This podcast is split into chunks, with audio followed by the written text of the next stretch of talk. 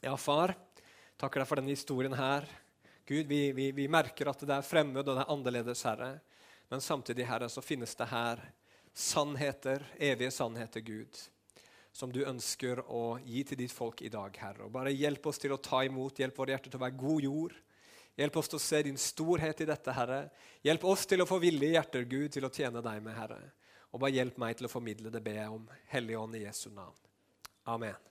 Yes, Hvis dere har god hukommelse, så husker dere at sist gang så var det litt tungt og litt trist for israelsfolket fordi at de hadde synda ved å tilbe en gullkalv. De hadde gått bort fra Gud og begynt å tilbe en avgud istedenfor. Dermed så sa Gud, 'Jeg kan ikke lenger gå med dere, for jeg er hellig, og dere synder hele veien.' 'Og dermed så kommer jeg til å utslette dere.'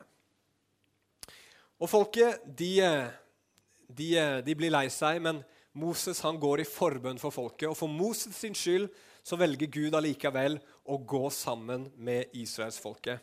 Og så finner det sted en gjenopprettelse. Det leste ikke vi sist gang, men det skjer i kapitlene mellom det som vi hadde om sist gang, og det som skjer nå. Nemlig at Gud fornyer pakten. Han oppretter en ny pakt, en ny avtale med sitt folk. Og de tavlene med de ti bud som Moses hadde knust, fordi at folket hadde brutt den pakten de hadde med Gud, de blir skrevet på nytt igjen. Så Gud han går fra å si at 'jeg kan ikke lenger gå og bo iblant dere og være nær dere', til å si at 'ok, jeg skal gå sammen med dere, og vi skal gjøre alt sammen nytt'. Vi begynner på nytt igjen. Dere får en ny start. Og nå skal de endelig da gjøre det som Gud hadde bedt dem om å gjøre. De skal bygge dette teltet, tabernaklet, i gull og sølv og bronse. Og det skal bli vakkert, og det skal bli stort. Og det trengs materiale for å bygge det, og Gud sier at de materialene som dette her teltet til Guds ære, det teltet hvor de skal tilbe Gud, skal bygges av, det skal bare bygges av gaver som folket gir. Og så kommer folket med disse gavene, sånn som vi leste i dag. De kommer med massevis av gaver. De kommer med mer enn nok. Og så bygger de teltet akkurat sånn som Gud sa. Og det som er resten av boka, egentlig, er detalj på detalj på detalj hvordan folket bygger akkurat sånn som Gud sa. Nøyaktig den beskrivelsen som vi finner før i, vers 25, uh, unnskyld, kapittel 25 til 31. Nøyaktig på samme måte gjøres det fra kapittel 36 til 40. Ut boka. Og så, når dette tempelet er ferdig, dette tabernaklet, dette teltet er ferdig, og, og, og, presten har blitt satt inn, så kommer Guds herlighet, Guds nærvær, og det er så intenst, det er så voldsomt, at, Gud, eh, at Moses unnskyld, ikke kan gå inn i teltet. Så herlig, så bra har det blitt. Og der ender historien. Folket har gått fra i begynnelsen av boka til å være i slaveri, i det mest nedverdigende og krevende og vanskelige forhold noe menneske kan være i, til nå å være i Guds herlighet. Det er historien om andre Mosebok. Og Nå skal vi konsentrere oss litt om det vi leste i dag, nemlig om hvordan folket ga til å bygge dette tabernakelet. Og gjennom det så skal vi lære litt om hvordan Gud arbeider, hvordan Gud bygger sitt rike, hvordan Gud gjør sitt verk i denne verden. Og Vi skal eh, se som overskrift i dag 'Gaver fra et villig hjerte'. Og Jeg har tre punkter som jeg pleier. For det første at Gud vil at vi skal gi. For det andre hvordan Gud vil at vi skal gi. Og så skal vi se til slutt hvem som egentlig er giveren. Altså at Gud vil vi skal gi, hvordan Gud vil vi skal gi, og hvem som egentlig er giveren. Er dere med på det? Å, der våkna de alle sammen. Det var godt. Ok, At Gud vil at vi skal gi, er første overskrift. Gud han ber om tre ting i denne teksten. her. Han ber for det første om materielle ting, altså gull, sølv osv. Disse tingene som eh, tabernaklet skal bygges av. Så ber han om talenter. Det var noen mennesker som var utrusta med evner, med gaver, talenter, til å bearbeide, forme og sette sammen alle disse råmaterialene, slik at det skulle bli et tabernakel. Og ikke minst så ber Gud om deres tid. For det tar tid å bygge og eh, liksom lage dette som Gud har bedt dem om å lage. Og det her er noe som føyer seg inn i et mønster som du finner fra begynnelsen av Bibelen og til slutten av Bibelen. Uansett i hvilken pakt det er, uansett om det er Det gamle eller Det nye testamentet, Og det er at Gud han ønsker at de menneskene han har skapt, skal gi til ham. Selv Det nye testamentet er fullt av oppfordringer av at vi skal gi til Gud. Og Den fineste oppsummeringa av det synes jeg vi finner i Romerbrevet kapittel 12 og vers 1, hvor Paulus skriver Jeg oppmuntrer dere derfor, søsken, ved Guds barmhjertighet, at dere framstiller deres kropper som et levende offer, hellig og velbehagelig for Gud. Dette er deres åndelige gudstjeneste. Vi er kalt som kristne til å gi hele vårt liv, hele oss selv, som et offer til Gud. Og det innebærer selvsagt mer enn våre penger og våre økonomiske midler, som jeg skal fokusere på i dag, men det innebærer ikke mindre enn det.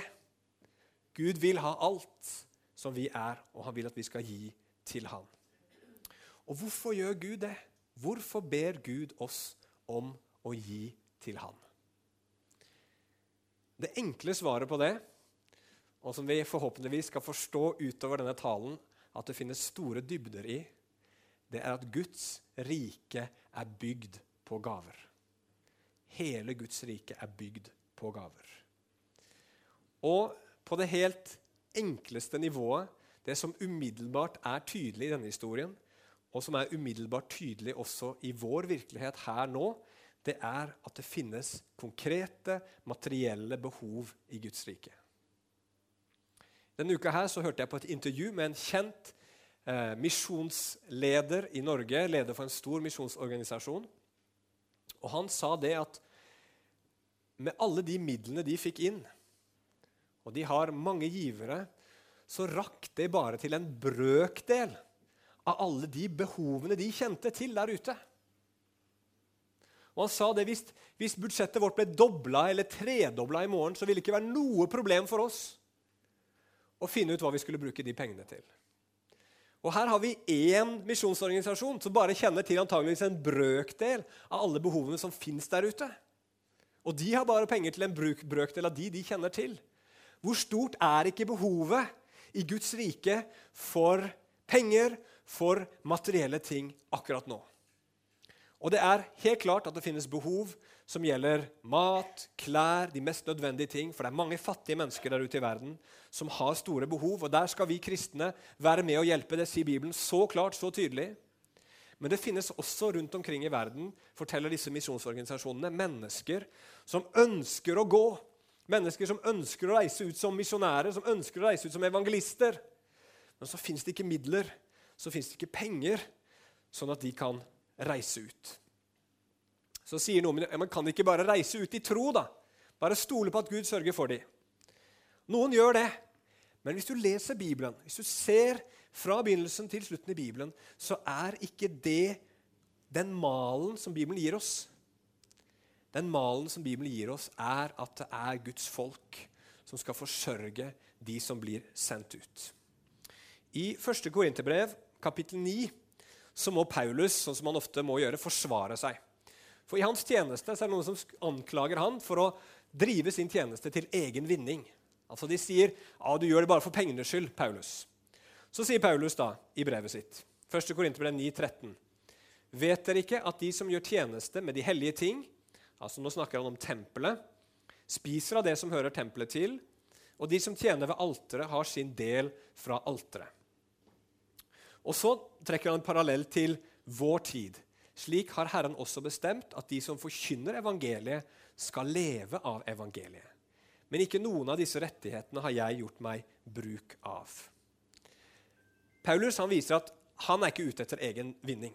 For han har faktisk en rettighet til å få underhold, for å, til å få økonomisk hjelp, men har aldri benytta seg av den rettigheten, sier han. Men regelen finnes der allikevel. Den var i Det gamle testamentet. De som dreiv å være levitter og, og, og, prester og skulle liksom ta seg av driften i dette her tabernakelet, de skulle få gaver fra folket, tiende fra folket, fordi det var ikke mulig for dem å gjøre den tjenesten for Gud og for folket og samtidig drive gården sin hjemme. Og De hadde familier, de hadde barn, og noen måtte sørge for dem. Sørge for deres familier, sånn at de kunne gjøre den tjenesten. Og På samme måte så er det sånn i Det nye testamentet at det blir oppfordra igjen og igjen til at Guds folk skal støtte dem som er forkynnere, dem som er ledere, både lokalt, de som reiser rundt, de som reiser ut til andre land for å forkynne evangeliet, sånn at de også skal kunne ha noe å leve av når de vier sine liv til bønnen, til Guds ord og til å forkynne ordet til mennesker. Og I tillegg til det så vet vi at det fins andre materielle behov i Guds rike. Det trengs kirkebygg, det trengs vedlikehold av kirkebygg, det trengs transport, det trengs litteratur, det trengs alle slags mulige hjelpemidler. Det er store materielle, økonomiske behov i Guds rike. Og hvor skal de midlene komme fra? Han skal gi de, for han har så mye penger. Hun! Jeg har jo nesten ingenting. Nei, vet dere hva? Bibelen sier at det er fra meg, og det er fra deg. Vi alle sammen har et ansvar for å gi og bidra til det som skjer i Guds rike, både lokalt, nasjonalt og internasjonalt. Vi skal være med og gi til Guds rike. Og når du og jeg gir til Guds rike, så bygger vi opp hans tempel. Og vi vet at nå i den tiden vi lever, så er ikke Guds tempel et fysisk eh, sted nede i Israel en plass av teltduk eller av steiner, sånn som de bygde seinere. Nei, hva er Guds tempel nå? Jo, Guds tempel, det er Guds menighet. Det er hans folk, levende steiner som blir bygd sammen til et åndelig hus, står det. Du og jeg skal bidra for at Guds rikes tempel skal bli bygd. Og de midlene vi har, skal være med på å gjøre det. Ok, Så Gud vil at alle som tror på Han, skal være med og gi. Men så er punkt nummer to hvordan er det Gud vil at vi skal gi? I den teksten vi leste, så håper jeg at du la merke til at Gud ga en litt spesiell befaling. Han befalte at de skulle gi, men så sa han noe mer. Han sa ikke 'alle må gi'. eller Han, han, han, han laga heller ikke en sånn rettferdig skatteordning hvor alle sammen måtte gi en viss prosent. Det kommer senere med denne her tienden, altså 10% Men her kommer han med en befaling om at alle som har et villig hjerte, de skal komme med gaven. De som vil gi, de skal gi. Og vet dere hva? Sånn er det faktisk, står det i Det nye testamentet også. 2. Korinterbrev 9, 7 så sier Paulus til menigheten i Korint enhver skal gi slik han har bestemt seg for i sitt eget hjerte, ikke motvillig eller av tvang. Gud sier at vi skal gi, men at vi skal gi med et villig og glad hjerte. Og Da kan vi jo lure litt på hvorfor i all verden vil Gud det? Fordi at om jeg gir en tusenlapp med et smil, eller om jeg gir en tusenlapp med sammenbytte tenner og putter den i kollektkurven mot min egen vilje, eller gi på banken liksom, og prøver å slippe unna, så når det jo like langt. Altså, Tabernaklet ville jo blitt like fint det om, om liksom eh, alle ble tvunget til å gi. Hvorfor ville Gud da at det skulle gis bare av frivillige gaver? Jo, det er fordi at tabernaklet det var ikke et hvilket som helst fint utsmykka telt. Tabernaklet skulle være et sted for å tilbe Gud. Det var hensikten. Det skulle vært sted for å tilbe Gud. Og det fins så mange grunner til at du og jeg gir til Gud. Det kan være dårlig samvittighet. Det er ikke vanskelig å komme på Betel her og ta, vise noen bilder på skjermen fra et eller annet fattig land med underernærte barn og, og, og trange kår og si dere, se på disse menneskene, hvordan vi har det. Og så har vi det så godt. Og så kjenner vi bare at det stikker i hjertet vårt. At vi har dårlig samvittighet, for vi har det så godt. Og så gir vi for å føle oss litt bedre. Da gir vi av dårlig samvittighet. Det er én motivasjon for å gi. Vi kan gi av frykt. I veldig mange religioner så er frykt en veldig viktig faktor i det å skulle gi til sin Gud. Og til og med noen ganger i kristen sammenheng så har man spilt på frykt. Fordi man sier noe sånt som at hvis ikke du gir til gudene, eller hvis ikke du gir til Gud, så blir han misfornøyd. Og da kan ulykker, alle slags mulige ulykker, begynne å ramme deg. Ikke sant? Så pass på at du har gitt, pass på at du har gitt nok. Ellers vet du aldri hva som kan skje. Kanskje ramler en takstein fra taket når du går ut av kirkebygningen. Og da gir vi, ikke sant? Ja, tenk om det skjer et eller annet. Og så gir vi av frykt. Eller noe som er veldig populært for tiden, det er å gi for å få. Det er en populær metode for å håve inn store pengesummer. Og det fins noen predikanter rundt om i verden som lever i luksus. Leste nettopp en bok om en nevø av en kjent sånn herre predikant som fortalte at, hvordan de levde i sus og dus. og det var nesten til å bli kvalm av. Men vet du hva? De baserer hele greia si på å si til folk hvis du gir, så skal du få dobbelt så mye, eller ti ganger så mye igjen. Så bare så inn her, og så buff, regner det ned fra himmelen over deg.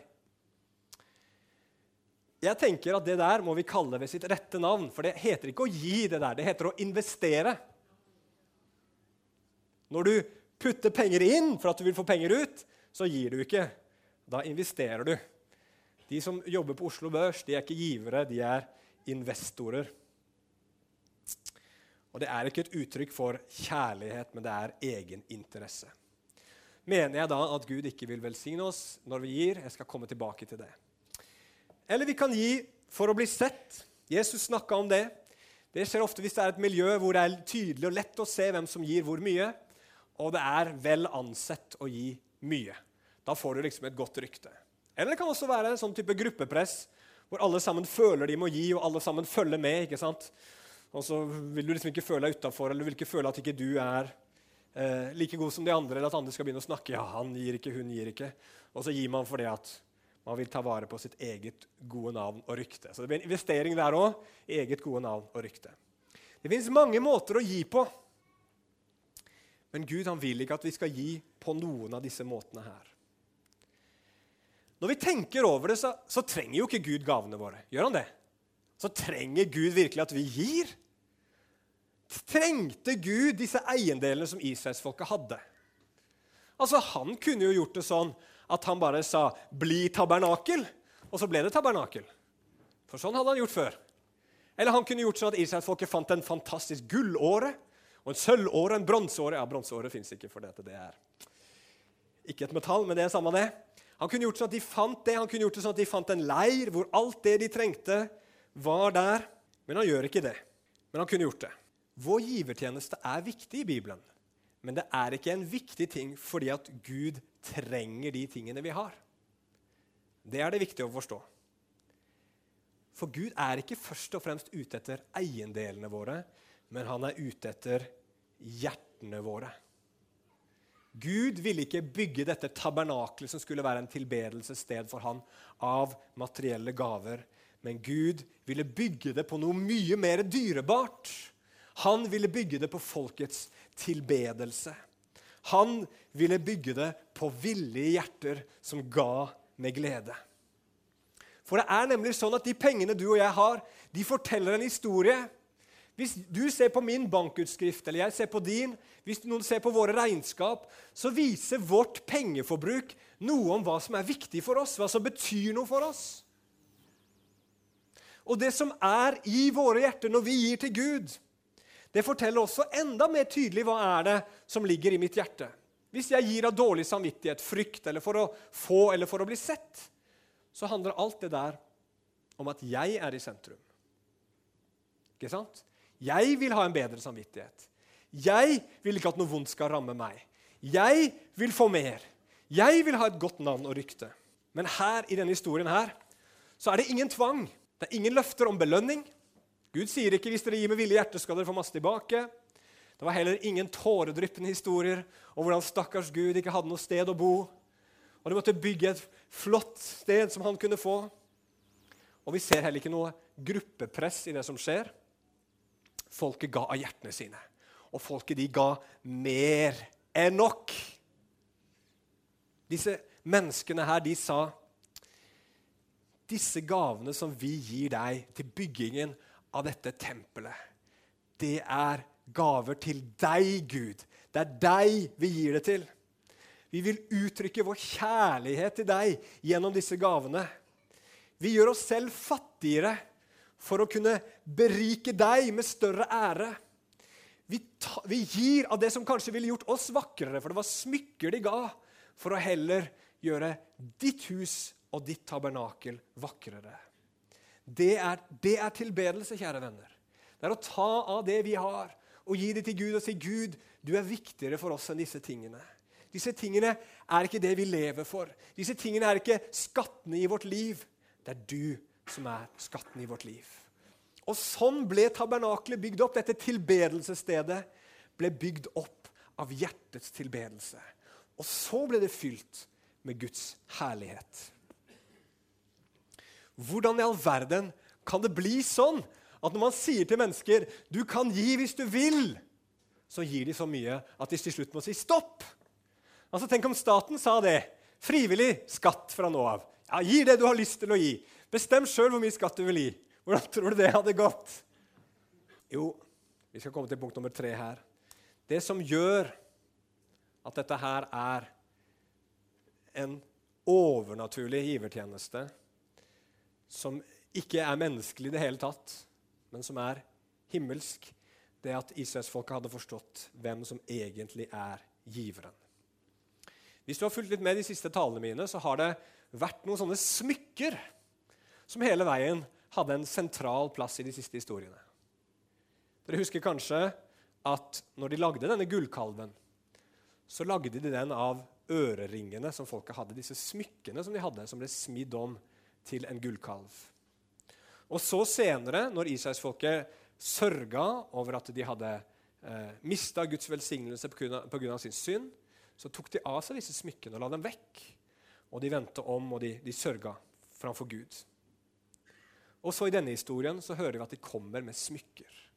De kommer med rikdommene sine. De kommer med disse smykkene, bl.a. en del andre ting også, for at tempelet eller dette tabernakelet skal bli bygd av det. Vet dere hvor de smykkene kom fra? Ja, ja, De kom fra Egypt. Jeg vet ikke om dere husker det, men eh, langt tilbake i historien som vi forteller nå, når de var på vei ut av Egypt, så sa Gud til Moses at han skulle si til folket at idet de dro ut, så skulle hver og en av de spørre naboene sine om en gave For de dro. Og så skulle Gud arbeide med hjertene deres, sånn at de var villige til å gi en gave til israelsfolket. Og det skjedde. Så det står at de plyndra egypterne, for de var så veldige, så de ga. Så de, ikke, de ga nesten alt. Og israelsfolket eh, var faktisk rike idet de reiste ut av Egypt. Så all den rikdommen de hadde, var en gave fra Gud. Og Det er all rikdommen i ditt liv òg. Alt det vi har, det er en gave fra Gud. Så når Gud ber dem å gi av et villig hjerte, så ber ikke Gud dem om å gjøre noe som ikke han først har gjort mot dem. Han kunne jo latt de reise ut fra Egypt tomhendt, men han velsigner de. Han gir dem frihet, og han gir dem rikdom. Han gir dem så mye. Han lar dem få overflod. Men vet dere hva? Jeg tror at den gleden til den, den, den, viljen og den gleden over å få, å få gi, som vi fornemmer hos israelsfolket her, den kommer av noe enda mer enn at Gud hadde gitt dem alle disse gode gavene. De gleda seg over noe som var enda større. De gleda seg over Guds nåde imot dem. For disse rike gavene Gud hadde gitt dem, de brukte de, som jeg sa, til å lage denne gullkalven. Til å tilbe en, en skapning i stedet for skaperen. De forkasta Gud, de forkasta Han som hadde gitt seg selv til dem og bundet seg selv til dem. Gitt dem noe å leve for, gitt dem håp, gitt dem et land, gitt dem alt. Han hadde de forkasta. Og så fikk de smake dommen, de fikk smake konsekvensen. De skjønte at nå har vi rota det skikkelig til. Vi har mista Gud. Vi har mista det, det, som Han har gitt oss. Vi har mista den rikdom det er å kjenne Gud. Og så sørga de, og så vendte de om. Og så går Moses i forbønn for dem, og så for Moses skyld så gir Gud dem nåde. Som jeg sa innledningsvis, Han gjorde alt nytt. De fikk på en måte en ny pakt. Disse tavlene ble laga på nytt igjen. Og Gud sa vi begynner på nytt igjen som om dere aldri har synda. Vi legger alt dette bak oss, og så tar vi en ny start. Og så sier Gud så la oss nå bygge dette tabernakelet. Og alle som er villige, kan gi. Og da sa hele folket, 'Vi vil! Vi vil!' Fordi de hadde smakt Guds nåde. Og det ble ikke bare ord, men det ble gjerninger. De forsto ikke alt det som du og jeg forstår, men de forsto nok til å skjønne at den nåden her, den var stor. Og de ga, og de ga, og de ga. Og den, den, den forandringen i livet deres varte ikke så lenge heller, men de ante allikevel at de hadde sluppet å få det de fortjente, og at de istedenfor hadde fått en gave de ikke fortjente. Og Spørsmålet som jeg tror denne teksten her stiller til oss, og som jeg har lyst til å stille til deg i dag, det er har du smakt Guds nåde? Har du smakt og sett, som Bibelen sier, at Herren er god? Guds nåde det er ikke at Gud sier 'ja, ja'. Du gjorde noe dumt, men det er ikke så farlig. Jeg ble litt skuffa, men vi legger det bak oss. Det skapte noen ulemper for meg, men jeg tilgir deg. Nei, Guds nåde, kjære venner, og dette her er det ingen av oss som forstår fullt ut. Men det at Gud han øser ut i kosmiske proporsjoner av all sin rikdom, godhet og nåde over våre liv. Vi som fortjener det motsatte i kosmiske proporsjoner. Guds nåde er et overveldende uttrykk for Guds kjærlighet mot deg og meg. Vet dere hva? Det er Gud som framfor alt har et villig hjerte. Det er Gud som har et villig hjerte, som gir og gir og gir og gir og øser ut av sin godhet. Og han gjør det for alle mennesker. Han lar sin sol gå opp over onde og gode, står det. Han gir regn, han gir oss luft hver eneste dag. Han gir oss så mange gode gaver. Og alt det er bare nåde. Men enda mer når vi er kristne, når vi har skjønt hvem Jesus Kristus er, og hvorfor han kom. Vi kan se og smake Guds nåde på en helt annen måte. Du kan se Guds nåde når Gud han sender sin sønn til jorda for å ta på seg sjøl den dom og den fortapelse du skulle hatt. Da ser du Guds nåde. Du ser Guds nåde når Gud kommer til deg personlig, i ditt mørke, i din synd, og begynner å kalle og dra på deg til frelse. Da ser du Guds nåde. Du ser Guds nåde når han frelser deg bare av tro. Ikke av gjerninger eller av noen som helst ting som du kan gjøre deg fortjent til eller gjennom. Du ser Guds nåde når han i Jesus Kristus kler deg i hvite, rene klær, så du kan stå rettferdig framfor Gud uten synd, uten lyte, uten noen ting flekkete på deg. Og du kan stå framfor Gud uten frykt. Du ser Guds nåde når han øser ut av seg selv ved sin ånd inn i ditt hjerte og viser deg personlig at han elsker deg. For Guds kjærlighet er utøst i våre hjerter ved Den hellige ånd som er oss gitt, står det i Romerne 5.5. Du ser Guds nåde når du ser at han forblir trofast når du er troløs. Alle som sitter her inne, selv om vi har smakt denne nåden og tatt imot tilgivelse, har vært troløse. Men Gud har forblitt trofast. Guds nåde ser du også når Gud ikke bare kaller deg sitt barn, men han gjør deg til sitt barn. Han gjør deg til sin arving og gir deg alle ting med Jesus Kristus i all evighet. Alt dette er Guds nåde. Det er Gud som gir, fordi han er en god giver. I denne historien her så ga folket, men den store giveren var Gud. Og vi i våre kristne liv, vi også skal gi. Men den store giveren i våre liv, det er Gud sjøl. Og det er derfor det er han som bygger sitt tempel. Det var han som bygde tabernaklet. For alt det som gjorde at det ble bygd, var det han som hadde gitt. Han ga materialene, han ga de ville hjertene. Og i vår tid også så er det sånn at Jesus sier, 'Jeg skal bygge min menighet'. Og hvordan gjør han det? Jo, han bygger det ved å gi. Og ved å skape et givende folk som bygger med han Et givende folk som har blitt forandra av Guds nåde. Og Spørsmålet som Bibelen stiller oss, det er vil du tro på denne store giveren. Vil du vende om fra din egoisme og sjøl bli en som gir? Det er vårt kall som kristne. Og det er et flott kall. Hvor mye skal jeg gi, da? Hvor mye kaller Gud oss til å gi? Vi skal avslutte med et par helt praktiske ting til slutt. I Det gamle testamentet så var det 10% av inntektene som var normen. Det som kalles i Bibelen for tienden. I Det nye testamentet så nevnes tienden bare én eneste gang, i hvert fall i en sånn sammenheng, og det er en bisetning hos Jesus, og så blir den ikke nevnt mer. Hvorfor ikke det? Vel, jeg tror det er av den enkle grunn at standarden i Det nye testamentet er mye høyere enn tienden. Bare tenk på det, de første kristne hadde alt felles. står det. Vi husker denne enken som ga disse to ørene. Det står at hun ga alt hun hadde å leve av. Paulus han snakker, taler til en menighet og, og, og, og, berømmer dem, for de ga over evne, sier han. Så hele veien så oppfordrer Det nye testamentet oss til å gi som et offer. Tiende blir mer som et minimum når vi møter en Gud som har gitt oss 100% Hvor skal jeg gi? Hvem skal jeg gi til?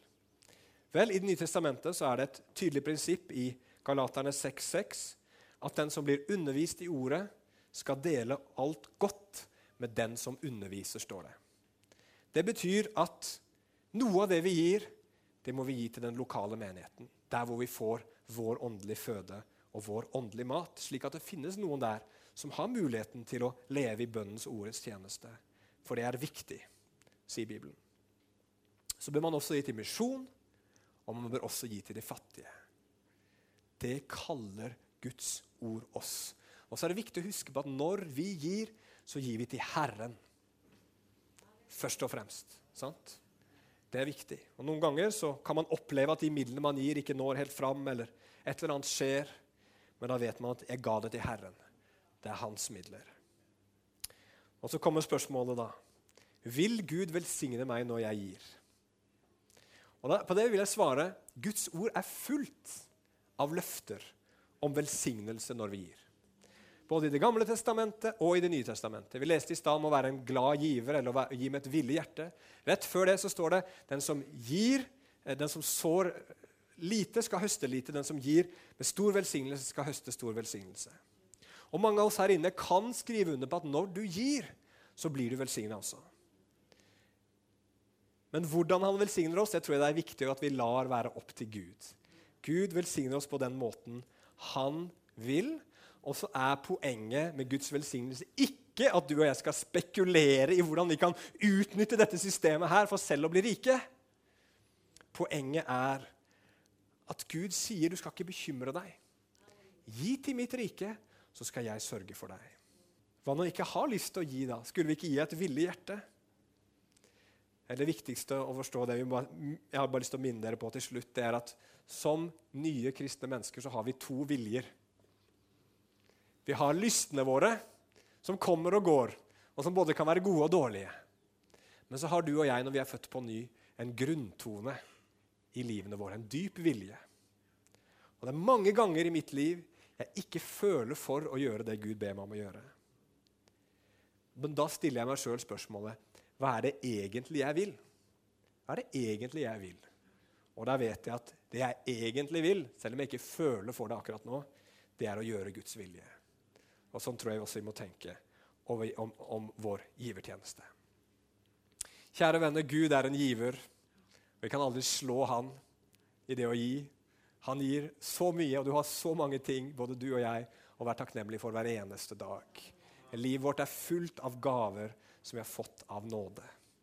Og la oss, for å ære vår skaper, forsøke å ligne litt på han ved å være mennesker som også gir til de som trenger det. La oss be til slutt. Kjære himmelske Far. Herre, vi står her, og vi er begeistra. Vi er takknemlige. Og vi vet ikke helt hvordan vi kan uttrykke Herre Jesus fullt ut. Og vi forstår nok ikke heller fullt ut Herre, hvor god du har vært imot oss. Så hjelp oss ved din ånd, Herre. Hjelp oss til å forstå, Herre, Gud, vi er ofte så misfornøyde og går så ofte rundt og skulle ønske vi hadde mer. og Hadde det ene og hadde det andre. Men Herre, hjelp oss heller til å være takknemlige for alle de gaver du faktisk har gitt oss, Herre. Det er mye mer enn vi fortjener. Mye mer enn vi fortjener, Herre. Og Derfor så vil vi takke deg og prise deg i dag, Herre. Komme med våre liv framfor deg og gi hele oss, Herre, som et levende offer og si, Gud, du har gitt meg 100% Jeg vil gi deg alt jeg er. 100% til din ære. Amen. Amen.